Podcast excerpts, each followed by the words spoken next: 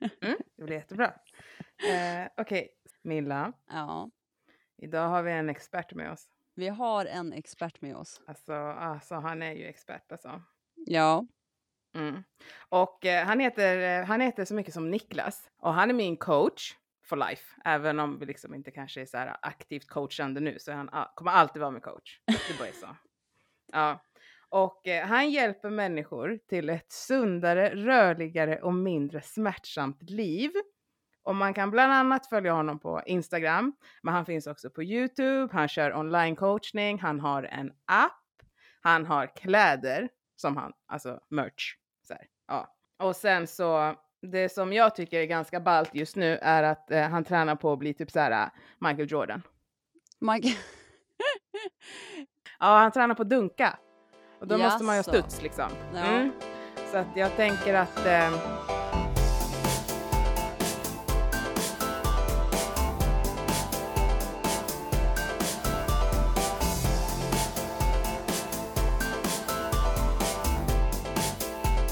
Välkomna tillbaka till Gastric Fantastic Podd med Milla och Mimmi. Tjohejsan! Så hejsan! Välkommen hit Niklas! Tack! Vilken, eh, vilken introduktion. Expert. Då blev, jag fick direkt panik där när du sa expert. Det kändes lite läskigt. Jag, tyck, jag känner mig inte som en expert. Alltså Mimmi sa någonting om att du är mästare i karate också, stämmer det? Ja, det där låter så jävla lökigt. Mästare i karate. ja, en gång i tiden så ja, jag har varit eh, svensk mästare både som junior och senior och sen så eh, har jag ett stil-VM-brons. Jag tror jag som bäst har kommit tvåa på Nordiska mästerskapen och trea på British Open tror jag. Och, ja, och sen lite andra tävlingar och grejer. Sänk ögonbrynen Milla. Alltså nej, men när, du, när han säger det så låter det som vad han åt till frukost. Jag har varit jätteimponerad. Ja, men det, det känns lite som att det kändes lite då. Det var inte så märkvärdigt då heller tyckte jag. För att man vill alltid vinna mer sådär. Så nej, men man vann och så var man typ så ja ah, men nice. Men nästa tävling är också viktig att vinna. Så jag njöt nog aldrig riktigt utav det och sådär. Så jag, det är inte direkt så att jag, det första jag säger till folk att jag, jag har varit duktig på karate. Eh, det, var, det var förr i tiden, nu är det en ny tid. Vad Så- säger du nu då när folk frågar vad du är duktig på? Eh, ja, vad säger jag då? Det är ingen som brukar fråga vad jag är duktig på. de flesta brukar fråga mig vad de ska göra åt diverse grejer som gör ont. Eh, så eh, jag brukar säga att eh, de... Det beror på. nej, men jag, nej, jag, nej, jag säger nog inte speciellt mycket. Jag brukar säga att jag jobbar som en kiropraktor typ. Mm.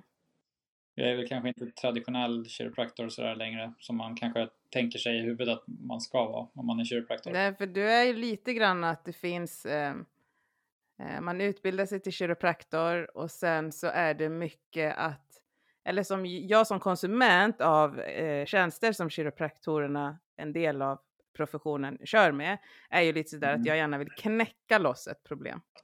Mm, ja, jag vet. Vill det. Otrolig placebo liksom. Nå, och du alltså- jobbar ju inte så riktigt. Eh, nej, jag har gjort det. Eh, har jag ju faktiskt. Men eh, du sa där att det är massa placebo och det är det ju i det mesta man gör såklart. Och knakhjulet har ju en placeboeffekt kan man säga. Ehm, men eh, det är, det är faktiskt lite mer än placebo. Det har ju en effekt. Det har det. Sen är den kanske inte magisk sådär. Och eh, det man har eh, kommit fram till är väl att det kan ge en väldigt bra kortvarig smärtlindring. Eh, Så man ska ofta kombinera behandlingar av det slaget av med, med bra och vettig rådgivning och sådär. Kanske inte nödvändigtvis träning, men eh, med vettig rådgivning och liksom vettig information. Så att eh, personen i fråga också kan vara så självgående som möjligt i sin rehabilitering eller process med smärta eller vad man nu har. Så att, eh, men så är det ju inte många gör, utan många menar ju på att det där kan man ju inte leva utan. Det finns ju grenar inom kiropraktiken där man alltså mer eller mindre säger att man, eh, det är knappt så jag vill säga det själv, men de menar att de kan mer eller mindre bota cancer, bota autism och alla möjliga grejer. Och det, men det är ju, det, så här är det inom alla yrken, att det finns rötägg och idioter. Som tur är så är det inte jättemycket av de här i Sverige. Eh, men i andra delar av världen så är det ju mycket Jag sånt. såg något klipp de manipulerade liksom på en hund. Ja, djurbehandlingar och så här är ju... Jag tycker det där, det där är jäkligt... Jag är inte så insatt i det. Jag kan bara tycka att så här, man, man manipulerar, manipulerar, alltså HBL, manipulation, knak, obrak, även kallat, eh, är ju någonting som man gör för att smärtlindra men också öka rörligheten i, det, i den leden som man behandlar. Då. Eh, och typ gör det på en katt. Jag menar, vi, katter De rör är sig ju... jättemycket. Ja, de är ju jätte sådär. Men de kan väl ha ont och så. Men jag tycker att det är lite svårt för att det, det är väldigt svårt med en människa som man även kan kommunicera med. Så jag tänker att det är väldigt mycket svårare med ett djur. Men eh, så jag vet inte hur nödvändigt det där är för djur. Många som har fått eller som tar sina djur till sådana där och, och får hjälp tycker då att ah, det blir jättebra. Även hästar och sådär tycker att ah, det, det funkar så himla bra och sådär.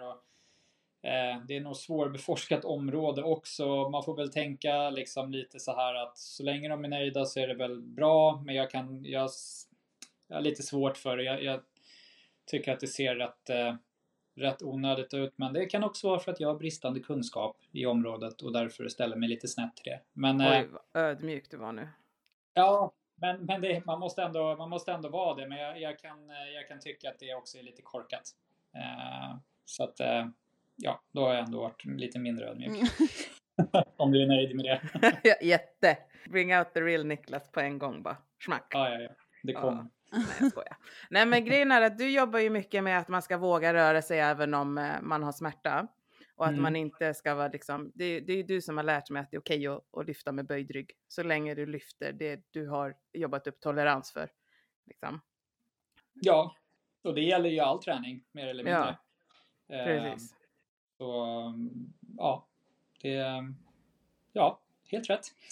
Det är, det är okej att röra sig när man har ont och det är, det är okej att böja på Just sin rygg. med det här med smärta så har man ju, eller innan eh, så har man ju lärt sig någonstans att så här, om du får ont så måste du sluta.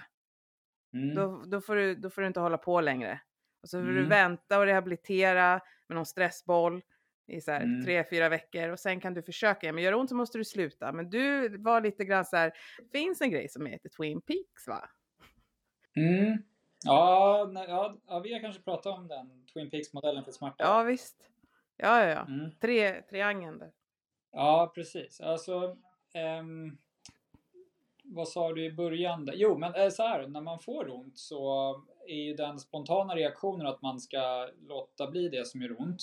Eh, att man ska akta sig för det och vila och sådär. Och det, det är ju det är också ganska vettigt. Eh, så. Har du gjort illa dig så kan det ju vara så att, faktiskt, att kroppen faktiskt behöver kanske läka om det har gått sönder. Men också eh, få lugna ner sig lite grann. Så att i en akut fas så kan det vara vettigt att liksom ta det lugnt ett par dagar eller sådär. Och se om det liksom lugnar ner sig. För många grejer går liksom över väldigt snabbt. Och, och sådär. Så det, det kan vara ganska vettigt. Men tar man till exempel ryggsmärtor då som ett exempel om man får ett sådär kraftigt ryggskott som många tänker ibland att det är diskbråck, vilket det inte är. Men ryggskott är akut liksom smärta i ryggen där så vitt man vet inte finns någon direkt skada. Ehm, och då kan det vara smart att i alla fall kanske första en, två dagarna ta det lite lugnt och liksom slicka såret lite grann. Men sen så är det ganska bra att ändå försöka leva på som vanligt kan man säga och, och röra sig i den mån det går, vilket kan vara eh, väldigt svårt om man har riktigt kraftigt eh, ryggskott och sådär. Men då får man liksom försöka så gott det går. Um, normalt sett när man får ont sådär så brukar man ju då känna lite mer smärta när man har eh, suttit still eller sovit eller någonting och, och så här tycker att oj nu gör det än mer ont och det är ganska naturligt. När vi, när vi är stilla så passar kroppen på lite grann och liksom ska läka och fixa sig själv och allt vad det kan vara. Det har jag säkert känt om du tränar ett träningspass tycker du åh det här kändes bra så då lägger du och vaknar på morgonen och så bara har du sån jävla träningsvärk så att du, processen, reparationsprocessen och allting drar igång när vi blir inaktiva. Och i vissa fall Det har det ingenting så. med åldern att göra då. Ja, det, det kan det väl ha också. Vi blir stelare med åren såklart. Ja, men men eh, nu ska vi inte skylla på den för mycket här. Nej, men så då, då, då eh, ja, men kan det kännas och sådär. Man kan då bli ganska rädd va? när man får sådär ont och, och tänka att okej, men det är inte bra att jag gör de här sakerna som, som gör ont och så försöker man undvika smärta i, i allra högsta grad. Och när det kommer till just kanske ryggskott eller ryggsmärta så det kan vara en ganska dålig idé Ehm, det är rekommenderat att man försöker att röra på sig.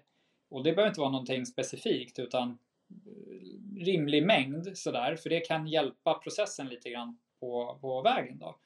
Så man kan ju om man har otur utveckla ganska långvarig smärta av ett ryggskott om man har lite otur. Då. För normalt sett så går det väl kanske över, oavsett vad du gör, så kan det ta liksom 6, 7, 8 veckor Eh, för att det går över. Det är ganska lång tid, det är ju nästan två månader och så orkar, länge orkar ingen gå runt och ha ont. Men det är normalt och det kallas för en akut fas. Veckorna sen fram till ungefär 12 veckor ungefär, någonstans där, det kallas för subakut fas. Och det, eh, dit kan det också gå. Eh, så det kan hålla på i tre månader lite grann sådär. Sen efter tre månader och framåt sådär, man har ont varje dag, så börjar man ju kalla det för eh, kronisk då, eh, fas, det vill säga långvarig eh, smärta och så här. Då kan det hålla på väldigt länge. Och om man vill undvika kanske att det ska bli en risk för att det blir mer långvarigt och sådär, då ska man ju kanske, kanske först då reda lite grann i vad som har hänt så att man förstår lite varför man har ont. För det går ganska lätt att luska ut oftast. Eh, och sen så vill man ju då få rätt rådgivning att det, det är normalt, det är ofarligt. Eh, du ska försöka röra på dig så gott som det går. Eh, gör du lite grejer som är lite tokiga eller lite för tunga eller lite för snabbt så kan det vara så att det gör lite mer ont igen. Men att det med väldigt stor sannolikhet kommer att gå över inom en snar framtid. I kombination med det här så kanske man också får behandling då som man känner gör att det känns lite bättre och då får man lite hopp om det och kanske kan röra sig lite mer och så blir det en positiv effekt utav det. Och sådär då. Så, så ska man väl försöka hantera det i stora drag då. Och gör man inte det utan man kanske blir rädd för det här och, och inte vågar och liksom, det här ska aldrig mer hända igen. Om man börjar undvika smärtan och är väldigt orolig och rädd av sig, då kan det finnas en chans att man faktiskt eh, drar ut på den här processen. Så att eh, man kan lura sig själv lite grann där om man har otur. Så mycket handlar om att få vettig rådgivning när man får ont från början. Och jag träffar ju mycket människor som kanske inte har fått det från första början. Och pang bom så har de haft ont i tre år och tänker att jaha, jag får nog leva så här säger de. Och det kanske de inte alls behöver göra. Men de kanske inte heller då har en väldigt lätt väg tillbaka. Heller. För att då har det, har det hållit i sig så pass länge så brukar det inte vända på en dag kan man säga utan det tar en liten stund kanske. Eh, och det är många olika faktorer man kan behöva ta hänsyn till och sådär för att få det till uh, nej, men jag, jag tänkte på det Niklas, du säger det, det var att är det vanligt ändå att klienter kommer till dig och haft, som du säger, väldigt långvarig smärta och inte kunnat göra någonting åt det? Där de har gått så att det har blivit kroniskt liksom? Ja, eh, jag har väl egentligen riktat in mig på det eh, också att det är det jag vill jobba med. Eh, så det är de flesta jag har har haft ont eh, väldigt länge. Och, så. och det finns ofta andra grejer i eh, närvarande. De, de kan ha haft något diskbråck och ryggoperationer eller något, något problem med ryggen, något annat som har varit kanske skadat eller så. I kombination med utmattning eller har haft utmattning och sådana här saker. Så det är oftast ganska många grejer på en och samma gång som kommer, vilket gör att det blir väldigt viktigt där att man kanske inte tittar så mycket på att det är en rygg man ska jobba med här utan att det är en människa man, man jobbar med. Det blir, det blir väldigt viktigt i, i, det, i de fallen då, att, eh, att tänka lite så. Och sen också att, att jag är inte chefen när man jobbar med de här problemen utan det här är någonting som vi gör tillsammans. Så det är väldigt viktigt att jag lyssnar på den här personen och dens upplevelser och vad den känner och tror eh, och guidar den eh, i den här vägen till att bli bättre då. Eh, för att du vet, de lever sina liv och vill göra sina grejer och kan inte göra sina grejer och, och, och så vidare. Och det är mycket hopp och förtvivlan eh, blandat liksom i en sån här process. Och, eh, det måste vara ett bra samspel emellan patient och, och terapeut där liksom för att det ska bli bra. Det måste finnas tillit eh, åt båda hållen. Så jag räknar med att den gör det den ska göra eller försöka göra. Och den räknar med att jag vet vad jag pratar om och, och att jag har en plan. Liksom. Så ett bra samspel där är eh, ganska viktigt eh, att ha. Och det, det, tar lite tid. Och det är kanske just därför jag kanske inte jobbar så mycket just nu eh, klin, alltså på klinik eh, med en bänk liksom så, utan jag jobbar ju mer digitalt då, så att jag sitter i mycket samtal som vi gör nu till exempel. Eh, och pratar och förklarar mycket och Sen skickar jag material till dem som de vet vad de ska göra så får de det materialet också så att de hela tiden kan titta på det och upprepa det. Och så jobbar vi med målsättningar hela tiden. Så många gånger när man har eh, de här eh, ja, men ont och så här, så är man begränsad. Det finns saker och ting i sin vardag som man kanske inte känner att man inte kan göra som man skulle vilja göra igen eller som man kanske är rädd för att göra. Och det här är viktiga grejer att kanske lägga lite fokus på och försöka få tillbaka. Då får man hitta lite olika strategier för det.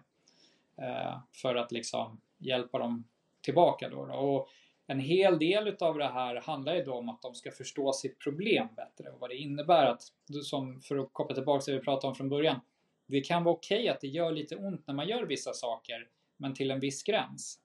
Eh, sådär. Så att eh, man brukar slänga med det här begreppet så här, ja men det är okej okay om det känns hanterbart många gånger. Men hanterbart, vad är det då? Eh, och då, då, kan man, då kan man ju säga att så här, men det, det är en smärta som du känner, det, det är okej okay att ha den. Eh, jag kan fortsätta men det gör, det gör lite ont. En icke hanterbar smärta skulle väl kunna vara då att så här, jag måste avbryta. Det här kan vara lite svårt också för att många gånger så blir de väldigt rädda. Eh, och av väldigt lite, vilket innebär att det kanske är en okej okay mängd smärta, men rädslan sätter stopp. Och då, i det fallet så kanske det då inte riktigt är en okej okay mängd smärta eftersom de blir rädda för det. Då är det kanske för stora kliv man tar. Då behöver man backa lite grann. Eh, och sådär. Så det är lite komplext, men det är också det som är roligt. För det, jag tycker att det är där man kan göra en, eh, som störst insats med människor som jag sa tidigare så mycket saker går ju över utav sig självt efter en liksom, liten period. Men, Eh, så det blir inte så, jag tycker inte det är lika, jag tycker att det är jättebra till folk som jobbar med det och sådär. Eh, men eh, det är inte vad jag känner för utan jag vill hålla på med, med det här då, för att jag tycker att det är det ger mig mest och det är också en skön känsla då att kanske hjälpa någon som så här, ja men jag har, jag kan inte gå mer än en kilometer, sen är jag sängliggande i tre dagar och få dem att kunna gå åtta kilometer igen. Eller något sånt där. Eller så här, jag kan gå ut med min hund igen, jag har inte gjort det på fyra år. Eh, och sådana här saker. Det, det ger mig väldigt mycket. Men jag tänker smärta generellt är ju väldigt komplext också. För att smärta är ju inte bara att det är någonting som är alltså, trasigt eller att det är någonting som man har överansträngt. Alltså smärta kan ju vara trötthet, stress, depression. Alltså du kan ju känna smärta. Alltså hur mår du kan ju vara en så här, jag har ont, ja men hur mår du då? Stressar du? Ja, alltså precis. Smärta, man skulle definiera, det finns ju en definition på det, det är väl så här slarvigt sagt, mer eller mindre än en eh, sensorisk eh, eller liksom emotionell upplevelse som man kan ha eh, i liksom utan att du är skadad eller i samband med skada. Liksom så. Så att eh, det är ju när någon säger att de har ont så, då får man liksom köpa det. Eh, och man, det är lite svårt att, att eh, till exempel säga eh, så här, men det där, det där gör inte så ont. För det, det, det, det går inte att säga så till någon utan säger de att det här, det här gör jätteont, ja, men då är det, då är det jätteont. Eh, och ehm, typ den här smärtskattningen, VAS-skalan. Så, ja, men på skala 1 till 10 hur ont gör det? Den är ju ganska dålig.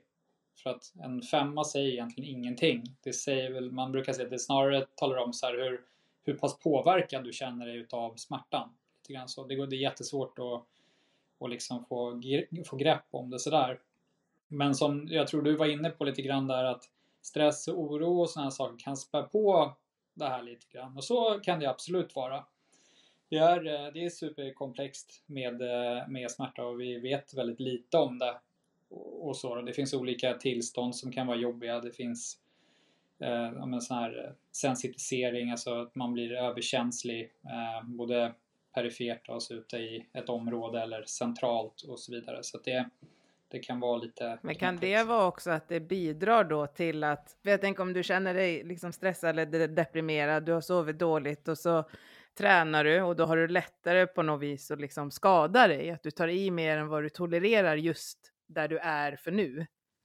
Ja, alltså så, så eh, kan det absolut vara, men det behöver nödvändigtvis inte vara så att du har lättare att skada dig. Däremot kan du ha väldigt mycket lättare för att få ont. Då. Så att många kan få eh, bakslag eh, på grund av det här. Man ser att man håller på det är någon som tränar liksom och vill kunna träna men får väldigt ont av det. Och sen kör man lite grann. Och man bygger upp det sakta men säkert och det går bra. Det känns okej, okay, man ökar lite och sen pang! så är det någonting som händer och så får de jätteont igen. Eh, och då, det är vad man kallar för bakslag och det är lite som en vägbula som kommer. Det får man räkna med i en, i en sån rehabprocess då. Men eh, när man eh, eh, när man får bakslag så, så kan, kan det det behöver inte vara så, man kanske inte har gjort någon nämnvärd ökning eller högre belastning eller någonting sånt där, utan det kan ha varit din återhämtning som har varit sämre över en period, vilket gör att du då tillfälligt inte riktigt tål det du gör, eller vad man ska säga. Så, ja men, säg att vi jobbar med din ryggsmärta eller nacksmärta och sådär och sen är det en eh, festkväll på fredagen och så kommer du hem och sen så är det med barnen och sen så är det kräksjuka på natten och så är det söndag och sen på måndagen så har du ditt marklyftspass. Och sen eh, och då kör du, ska du värma upp lite grann och så känner du oj nu högg det till i ryggen. Då var ju inte kroppen riktigt redo för, för det där och du har väl förmodligen en liten känslighet i ryggen som ligger där och när du då inte har tillräckligt med återhämtning och du är trött och allt vad det nu kan vara då kommer du lättare kunna få ont. Det, det, det händer och det, det är en grej som många inte tänker på när det kommer till belastning generellt sådär. Man tänker i sin träning att så här, men nu är det viktigt att jag lyfter de vikterna jag ska lyfta eller så här och, och sådär. Och sen så bara, nej men nu ska vi ut och påta i trädgården här och bära stockar. Så tänker man inte på att det är en ansträngning i sig också. Så att man kan ju, det kan ju vara så att en ansträngning kan vara för tung där och då. Sen kan det bli för mycket ansträngning över tid också. Så ibland måste man prata lite grann om deras vardag och sådär också då. Prata om och så här, men vad, eh, vad händer i helgen? Eh, och sådär liksom. Ah, nej, då, då ska vi göra det här, vi ska hjälpa en kompis att flytta. Och då är det bara, okej, okay, men här har vi kanske en liten riskfaktor för att man kan få ett bakslag eller att det kan bli lite för mycket. Här kan det vara svårt att kontrollera belastningen. Det kan vara bra att upplysa om det, liksom att man kan inte bara stilla sig blind på de hemövningarna man gör eller rehaben man gör. Det, det andra man utsätter sig för också har en, en, en viktig roll i det hela. Eh, både belastningsmässigt och återhämtningsmässigt. Det är lite som när det blir snö och så ska man ut och skotta och man har inte liksom överhuvudtaget gjort de typen av rörelserna med den belastningen och sen bara ah ryggskott, nej men det är ju för att min rygg är så dålig. Ja, ja men det, är, det är en klassiker att åka på ryggskott när man skottar eller krattar eller någonting sånt där. Och, eh, jag har tänkt på det där ganska mycket. Ja, men kan man liksom förebygga det där? Lite grann tänker jag så, men Eh, jag tränar ju mycket med att jag böjer min rygg och, och, och liksom van med att lyfta med böjd rygg och sådär. Jag känner också, jag får inte ryggskott kanske när jag är ute och skottar, men jag, jag får, känner definitivt av ryggen. I alla fall när jag skottar. Eh, det gör jag ju varenda gång. Men det är en specifik liksom, rörelse och det är lite svårt att bestämma att nu ska jag ta fem stycken skyffeltag, sen får det vara bra. Utan du gör inte det, du skottar ju hela uppfarten. Eller så får man bara skylla på att man inte är 20 längre, det brukar jag göra. ja, men det, den är alltid lätt att ta till liksom. Så det, det, ja, det kan man göra. Men, men sen, sen, är det lite grann så här också. Vi, vi får ont i ryggen. Vi får ont i axlarna, vi får ont i knäna, vi får ont i, i nacken. Det, det är så otroligt vanligt och det är i de allra, allra, allra flesta fallen ingenting som är skadat. Så att Eh, det är bara att räkna med att du kommer få ont i kroppen. Eh, och det är liksom inte hela världen. Eh, det blir oftast eh, bra igen. Och det brukar inte hålla i sig så länge.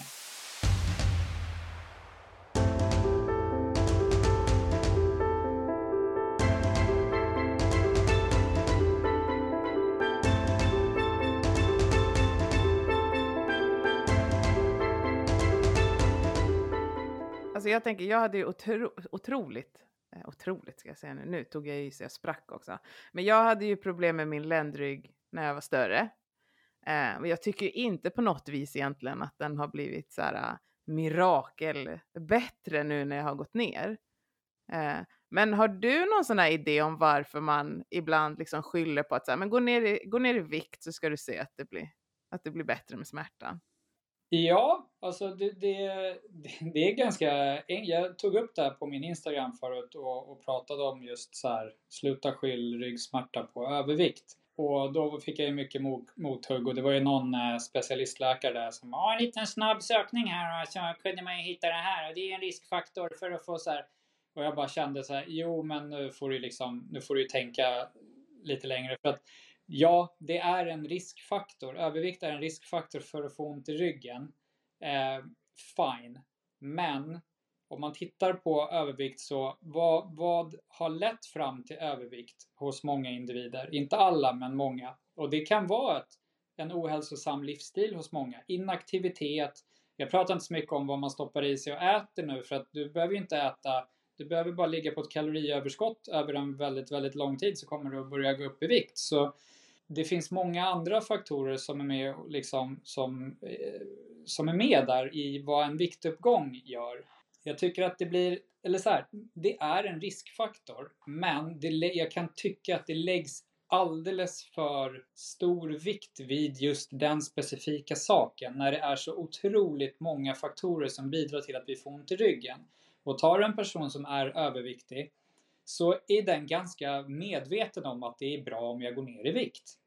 Och då först och främst säga till någon som är överviktig så ja ah, men det är nog liksom bra om du går ner i vikt. Ja men no shit. Då hade jag väl gjort det då om det hade varit så himla enkelt för mig.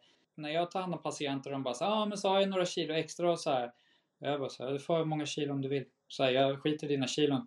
Eh, för att jag är så medveten om att det går att få ryggen så mycket bättre utan att vi bryr oss så mycket om vikten. Så skyll inte allting bara på det. För att det finns så många andra faktorer eh, bakom. Inaktivitet är jättevanligt att vi får ont i ryggen utav. Eh, är du överviktig så kanske du inte heller orkar vara speciellt aktiv. Så ja, men då kanske vikten på ett sätt är liksom ett problem då, men det är inte direkta orsaken eller vad man ska säga. Eh, så det behöver man ju kanske inte älta ännu mer för den personen utan det man kanske ska prata om är lite så här hälsosamma livsstilsfaktorer typ. Okej, okay, motionerar du regelbundet? Nej, nej det gör jag inte. Okej, okay, ska vi kolla på alternativ? Hur kan vi få dig att motionera mer regelbundet? Eh, och, och sådana saker och liksom börja, börja göra eh, nyttiga val då, eh, med kroppen. Kanske börja träna Eh, kolla på faktorer som stress och oro och sådana här saker och hur, hur mår du överlag och bla bla bla. bla. Allt det här och börja peta i alla de här grejerna som kanske gör att man får att man på något sätt kanske börjar må lite bättre och kan trivas lite mer i sig själv oavsett vikt. Och det kanske underlättar lite grann i processen då att sen ta tag i sin vikt också. Och när man väl kommer igång med det där så kanske det också blir så att man successivt också då går ner i vikt. Eh, som en liksom eh, ja, men ett plus i kanten eller vad man ska säga. Eh, så jag, jag brukar aldrig nämna, nämna vikten på folk. Eh, Nej men för att det är det jag tänker, det är ju oftast, vi har pratat om det innan jag och Mimmi också om det här att, att man oftast får vikten slängd i ansiktet om man har problem. Eh, och jag har ju haft problem med mina knän i många, många år. Eh, och jag har ju också trott på att det är ju för min övervikt liksom. Eh, knäna tar allt men nu har jag ju fått tillbaka det. Jag har fortfarande problem med vänster knä och vänster höftböjare och jag kan känna av det väldigt extremt ibland när jag, när jag styrketränar. Uh, och det blir så här, då blir det ju det där igen komplexa att man har hela tiden trott på en sak för att man har fått det sagt till sig men sen så inser man att ja, nej, men jag kanske har problem uh, på riktigt. Det är inte, för nu har jag ingen övervikt nej. att skylla på liksom. Ja, nej, jag, det där är, jag kan tänka mig att det där det är en jobbig grej som alla med någon form av övervikt liksom ska gå Jag fick ju jättemycket respons på det där inlägget och det, det, kändes, det kändes ungefär lite grann som att att tala om då för den här personen att deras skada eller smärta eller vad det nu än är beror på deras övervikt egentligen bara bidrar till att de kommer att må sämre. Eh, på något sätt Men man så... väljer att inte söka vård för man vet vad man kommer få till svar liksom. Och där, där jag kan väl tycka att det är eh, vettigt att börja tänka om lite grann i hur man eh, formulerar sig och hur man, hur man pratar liksom. Eh, med någon som har övervikt. Eh, ja. Det gillar vi. Nej men jag tänker så här, om man är, du vet som när jag var helt så här Sproilans nybörjare Niklas och var så här, oh my god, what to do? Och du bara, ja men jag löser det. Vart börjar man om man inte, eller så här, du har ju en app. Mm. Så att jag vet ju vart man ska börja mm. om man inte... Så här, då går man in på Niklas app, den finns för Android och iPhone och det är så här, reklam everywhere just nu. Mm. Cairo Expert, mm. bara join the movement peoples. Exakt. Så. Men om man inte har en smartphone mm. eller en dator, mm. vart börjar man? Skulle du säga? Eh, man kan väl eh, först och främst börja med att ställa sig frågan varför jag ska eh, träna eller motionera eller någonting sånt. För det, Eh, för mig är det ganska självklart varför man ska göra det och överlag sett så är ju det jättehälsosamt och har väldigt många fördelar för din kropp och knopp. Så, så är det med det. Men trots det så är det ju många som inte får arslet ur vagn eh, och sådär. Så att man kanske ska börja med och liksom ställa sig frågan lite grann så här, okay, varför ska jag göra? För det är ingen måste att hålla på och träna. Det, du behöver inte gå på gym, du behöver inte göra armhävningar och sådana saker, men det kommer att vara bra för dig. Eh, och till en början så kanske du eh, ska liksom komma underfund med så här, men varför gör jag det här? Ja, men det, jag vill, jag vill bli starkare eller jag vill må bättre i kroppen eller någonting sånt där. Okej, okay, fine. Börja sen smått. Börja med att sätta en rutin. För ingenting kommer bli av om du inte har en rutin på det. Så att anledningen till att dina tänder är helare än vad de var på 1500-talet är för att du borstar tänderna morgon och kväll förmodligen. Eh, vilket gör att, och det gör du på rutin även om det inte är så kul. Så sätt en rutin och vad som är i den rutinen är egentligen skitsamma. Det kan vara promenad. För om du aldrig går ut på promenader och sen börjar du gå promenad två gånger i veckan. Ja, men vad bra, då har du en rutin. Sen kan det alltid utvecklas till mer om man vill.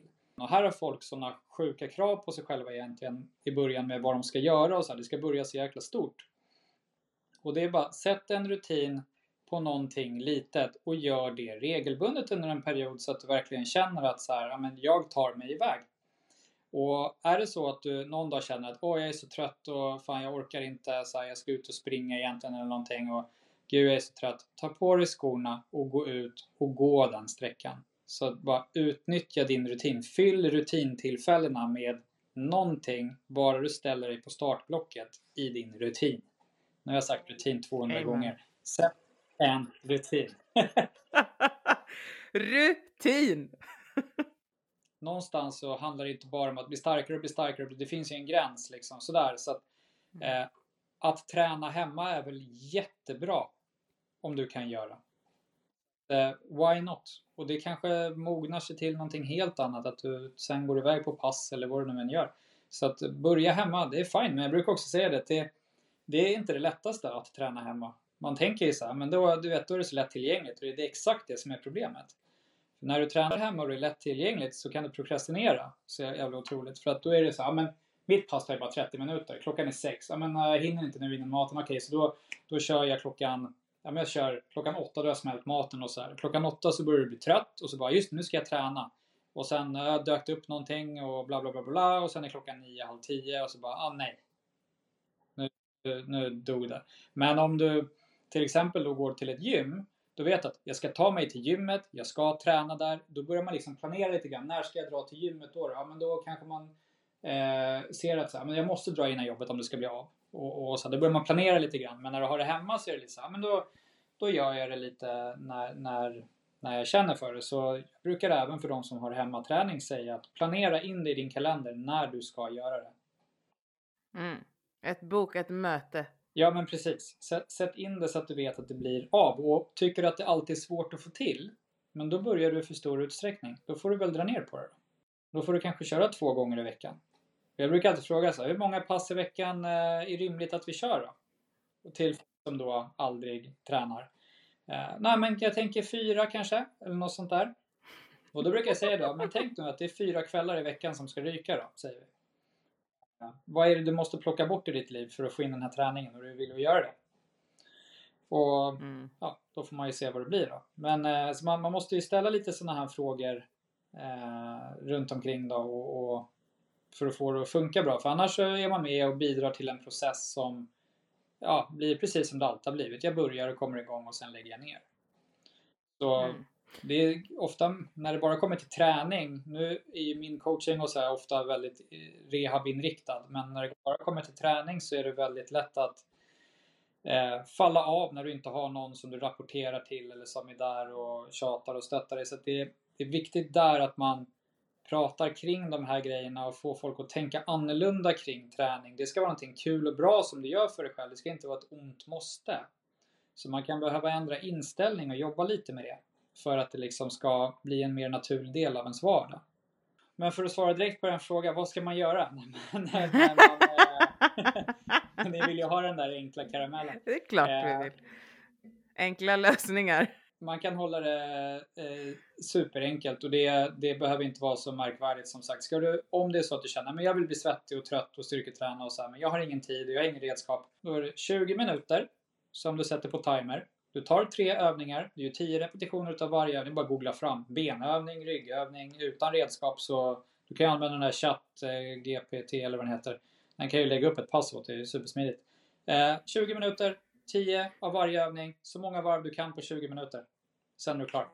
Sen är du tränat. Men jag tänker din app och medlemskap och liksom. Mm. Där har du ju pass som är både för träning, du har ju ett nio månaders Ja. program till exempel. Och sen har du ju så här skottsäker rygg och du har träna Ja. med alla möjliga smärtor och grejer. ja, appen är ju tänkt att vara som en eh, hjälpreda när man är Mm. helt nollställd när det kommer till just träning. Eh, det finns egentligen rena vanliga bara fristående träningspass för gym och hemma med gummiband eller så, eller för gym då. Sen finns det program som eh, styrketräningsprogram för hela kroppen för att liksom bli starkare på åtta veckor och så finns det ett som är eh, nio månader då, som är ganska långt. Eh, så. Sen har vi pass där du klickar igång en video och följer med. Där kör jag passet och, sen, och det är oftast lite kortare pass och sån här. Där man bara följer med. Det blir som att man står och kör tillsammans lite grann. Och nu håller vi på och bygger det som kommer att vara i 12 veckor. Där det blir fyra pass i veckan där det är som små cirkelpass man kör. Så tanken är att man ska kunna slussas från det här första enkla där man egentligen jobbar på att sätta en rutin där man liksom dagligen ska göra någonting fysiskt ansträngande. Eh, och sen så slussas man liksom sakta men säkert här upp till att man mer eller mindre fyra gånger i veckan kör ett lättare träningspass. Vad heter eran app? Kiro Expert. Giro Expert. Finns på Apple Store. Det värsta marknadsföringspodden där. Ja, finns på, Ja, visst det. Den finns på App Store och Google Play. Så, men det man gör är att man, man måste få ett medlemskap. Då, så man går in på vår hemsida som heter exakt samma sak. Och sen så skaffar man sig medlemskap och sen därifrån kan man ladda hem, ladda hem appen. Men jag tycker att det är så himla bra och jag tycker du är så himla bra Niklas. Så Ja. jag har ingenting emot att göra det här till ett reklamavsnitt om det skulle vara så. Men Ja, nej. då? Har... Nej men Niklas, du har hjälpt mig så mycket på så många plan så att jag är bara så tacksam att du existerar. Undrar om inte du var typ den första... Jo, det var det. Och sen så frågade de och sen så skickade jag några till till dig. Ja, precis.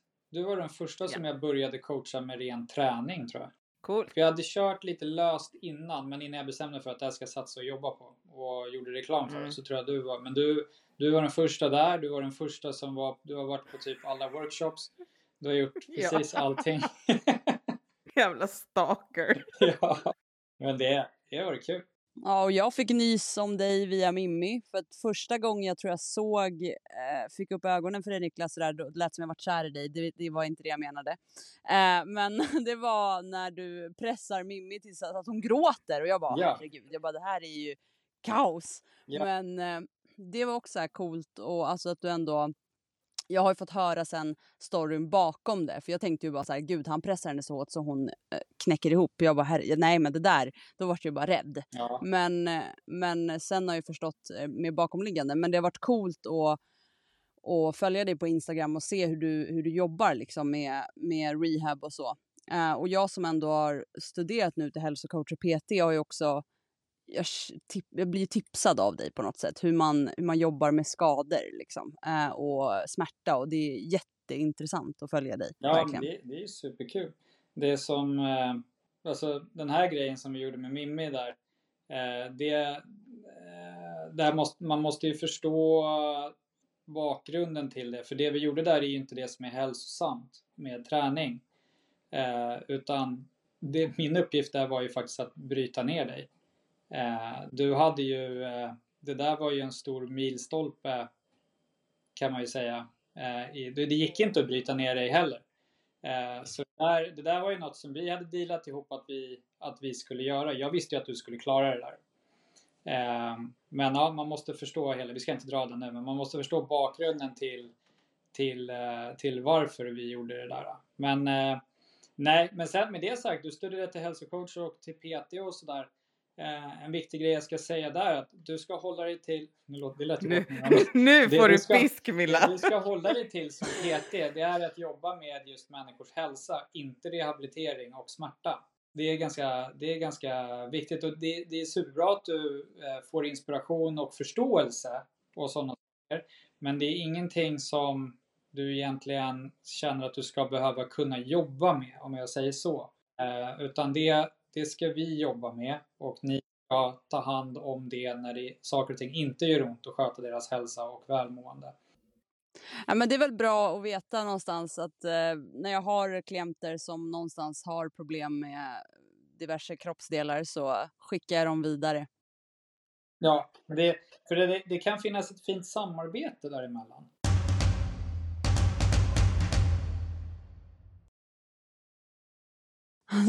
Basketmästare och karatemästare och Basketmästare var det verkligen och... att i. Där tog du i alltså. Ja, faktiskt. Men jag skulle ändå säga att du också är ostkakeätarmästare. Ja, det är för jävla gott.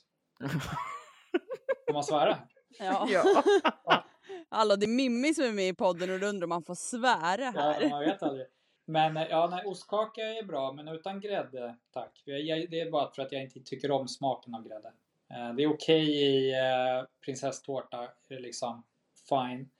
Eh, men, eh, men inte på, jag vill inte ha grädde på ostkakan. Jag vill ha eh, enorm jävla mängd med jordgubbssylt.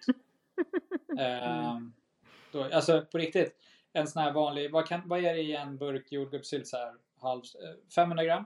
500 Ja. gram, ja. Eh, jag, jag brukar dra alltså, jag drar alltså då en 900 grams ostkaka. Det drar jag själv, det är inga problem. Och jag tömmer garanterat en eh, 250, eh, alltså en halv sån eh, burk med jordgubbssylt. Utan problem. Vad gott. Ja, ja. Det är jättegott. ja, sen mår jag dåligt efter. Eh, för jag, jag äter Ja, så att, det förstår eh, Så jag. att jag mår dåligt liksom. Din kropp kan inte Eh, hantera. men- Jag, jag gör, det är inte så att jag gör det varje dag, men när jag väl äter ostkaka, då jävlar äter jag ostkaka. Jag tycker det var Alltså, jätteroligt. jag måste typ ärligt säga att jag tror att jag aldrig har Åh smakat herregud, ostkaka. det är jättegott. Vet du, då, då kan det vara så att du kommer antingen att älska det eller så kommer du att så kommer du vända sig i munnen på det. Men ska den vara varm eller Ja, kall? den ska vara varm. Ja, den ska Eh, definitivt ja. vara varm. Alltså, och innan du äter ostkaka så behöver du få en känsla av vad ostkaka är. Så det du måste göra är att kolla på Emil i Lönneberga. eh, jag tror att det är samma avsnitt som han hänger upp eh, eh, sin syster i flaggstången. Där äter de ostkaka. Så du måste titta när de häller upp ostkaka och äter ostkaka och får den här sommarkänslan. Sen äter du ostkaka. Okej. Eh, så att du liksom ser hur gott det är först. Eh, sen äter du ostkakan. Det var hysteriskt Fattar, jag roligt. måste visualisera det först. Ja, ja, ja. ja. Ja, jag Ja, fattar. herregud. Det, det är... Eh, Ja men fan vad kul Niklas och härligt att ha att du ville vara med i våran podd. Ja. tack, vad kul. Ja, men alltså det var faktiskt väldigt, alltså jag tycker alltid att du är intressant att lyssna på, men det var så här kul att kunna få ha en, en diskussion också. Liksom. Alltså kunna prata på ett Ja, annat sätt. jag förstår inte det med mig, för du lyssnar ju på allt jag säger. Jag säger samma sak upprepat hela tiden. Tröttnar du aldrig? Nej. Aldrig. Men grejen är, det är så här bra att friska upp minnet också, för sen mitt i allting som du har sagt och jag har sugit åt med allting, så kommer någon annan liksom hattifnatt som säger något och då blir jag så här, vad var det Niklas sa egentligen? Ja, just det. Vad var det som stämde? Liksom. Ja, Så då är det bra att få höra det igen, för då är jag bara så här, ja just det, nej det där kan jag inte lyssna på. Så jag lyssnar ju typ på dig och Gudiol. ja och han är ju för jävla bra. Ehm, där är man ju underläge.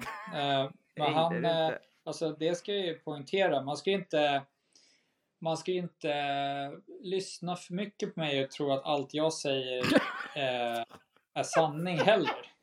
för att eh, jag försöker ju hålla mig, jag försöker hålla mig till det eh, så mycket som möjligt. Men jag försöker också vara ödmjuk lite grann i den uppgiften.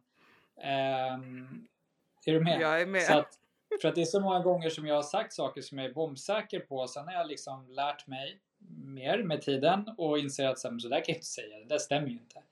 Eh, och ibland så pratar jag jättemycket snabbare än vad min hjärna eh, tänker, säga. Eh, vilket också kan ställa till det lite grann. Men, nej men så här, så att man, man ska inte tro att jag är någon jävla guru som har svaret på allting, för det gör ju du. Ja, Niklas för president. Punkt och slut bara. Ja, jag, är- jag är fortfarande under inlärningsprocess. Ja, men Men det finns jävla mycket som man vill veta om så det, det är så svårt att bli skitbra på en liten punkt. Det är bra att det finns människor som är det. Så man kan lyssna på dem. Men eh, jag är nog eh, likt en allmänläkare. Lite, jag har lite, jag har väldigt, jag har lite koll på mycket, eller vad man säger? Li, lite koll på mycket men eh, väldigt dålig koll på lite. Ja, hur går det? jag vet inte. ja, nej, men jag tycker att det är klockrent i alla fall.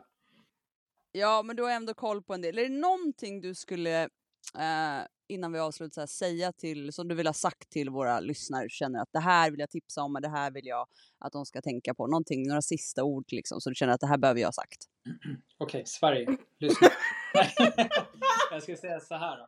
Eftersom eh, jag får mycket frågor om smärta och, och sådana här saker. Eh, så tänk nu i breda drag här, folket. När saker och ting gör ont i ryggen, i knät, i axeln och sådana här saker. Så kan det vara väldigt fördelaktigt att peta lite på smärtan. Det betyder alltså att man inte bankar igenom. Så om det gör lite ont att göra någonting så kan det vara bra att göra lite grann av det i en, i en så pass liten mängd att du knackar dörr på det men du ska inte banka igenom dörren. Så saker och ting som gör ont behöver man i stora drag oftast inte vara rädd för. Man kan hälsa på det lite försiktigt så ger man också det en chans att kunna bli lite bättre. Så jag säger det lite, lite vad heter det, mystiskt sådär. Poke into pain finns det en kille, Greg Liebman tror jag, som myntade det.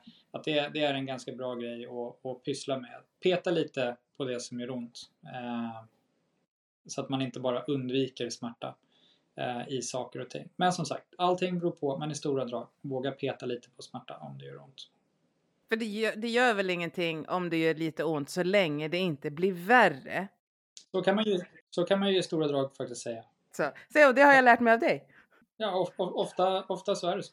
Fan vad kul Niklas! Ja, ja men tack detsamma. Det var så Ja. roligt. Dig bjuder vi in igen snart. Då ska vi prata om eh, annat kul. Ostkakor kan vi prata om. Ostka- Ostkaka och att du har lyckats dunka med en tennisboll. Ja, eller basketboll. Ja, basket, basketbollen. Vi kanske också kan lägga upp någon typ av frågeställning om lyssnarna vill. Det kan man också göra. Eh, Mm. Det kan man också göra. Vi hittar Ja. nog på något bra. Det tror jag, för du är grym. Ja, det är ni som är grymma. Ah, tack! ja, äh, men eh, fint då. Ja, grymt. Ja, grymt. Tack, Tack för idag. Niklas. Hälsa kidsen och frugan. Ta hand om dig. Hej Hejdå. Ja, Ja, det var det. Var, det var det. det var det. Och fy fan vad kul det var. Ja, det var jävligt kul. Mm. Och jävligt intressant, tycker jag. Ja, men man kan ju lyssna på den här människan alltså, i flera timmar. Så som han sa, jag har varit på varenda typ alltså, workshop han har haft. Jag har lyssnat på alla hans live. Så fort han har en live, spelar ingen roll om jag är på jobbet. Jag säger ursäkta, jag måste gå på toaletten. Och så går jag, in och kollar på Ja, hans men live. alltså, ja, jag, fatt, Alltså, jag... jag- fattar verkligen det. det är, han har så mycket kunskap. Mm, Och som han säger själv, han lär sig hela tiden. Ja. Som man själv lär sig hela tiden. Hur man ska hantera saker. det är den. Nej, jag, jag Ja. väldigt eh, trevlig att lyssna på faktiskt. Mm. Ja, han är, han är bäst. Ja. han, det han, alltså han, har, han är en stor del till mitt eh, alltså, välmående idag.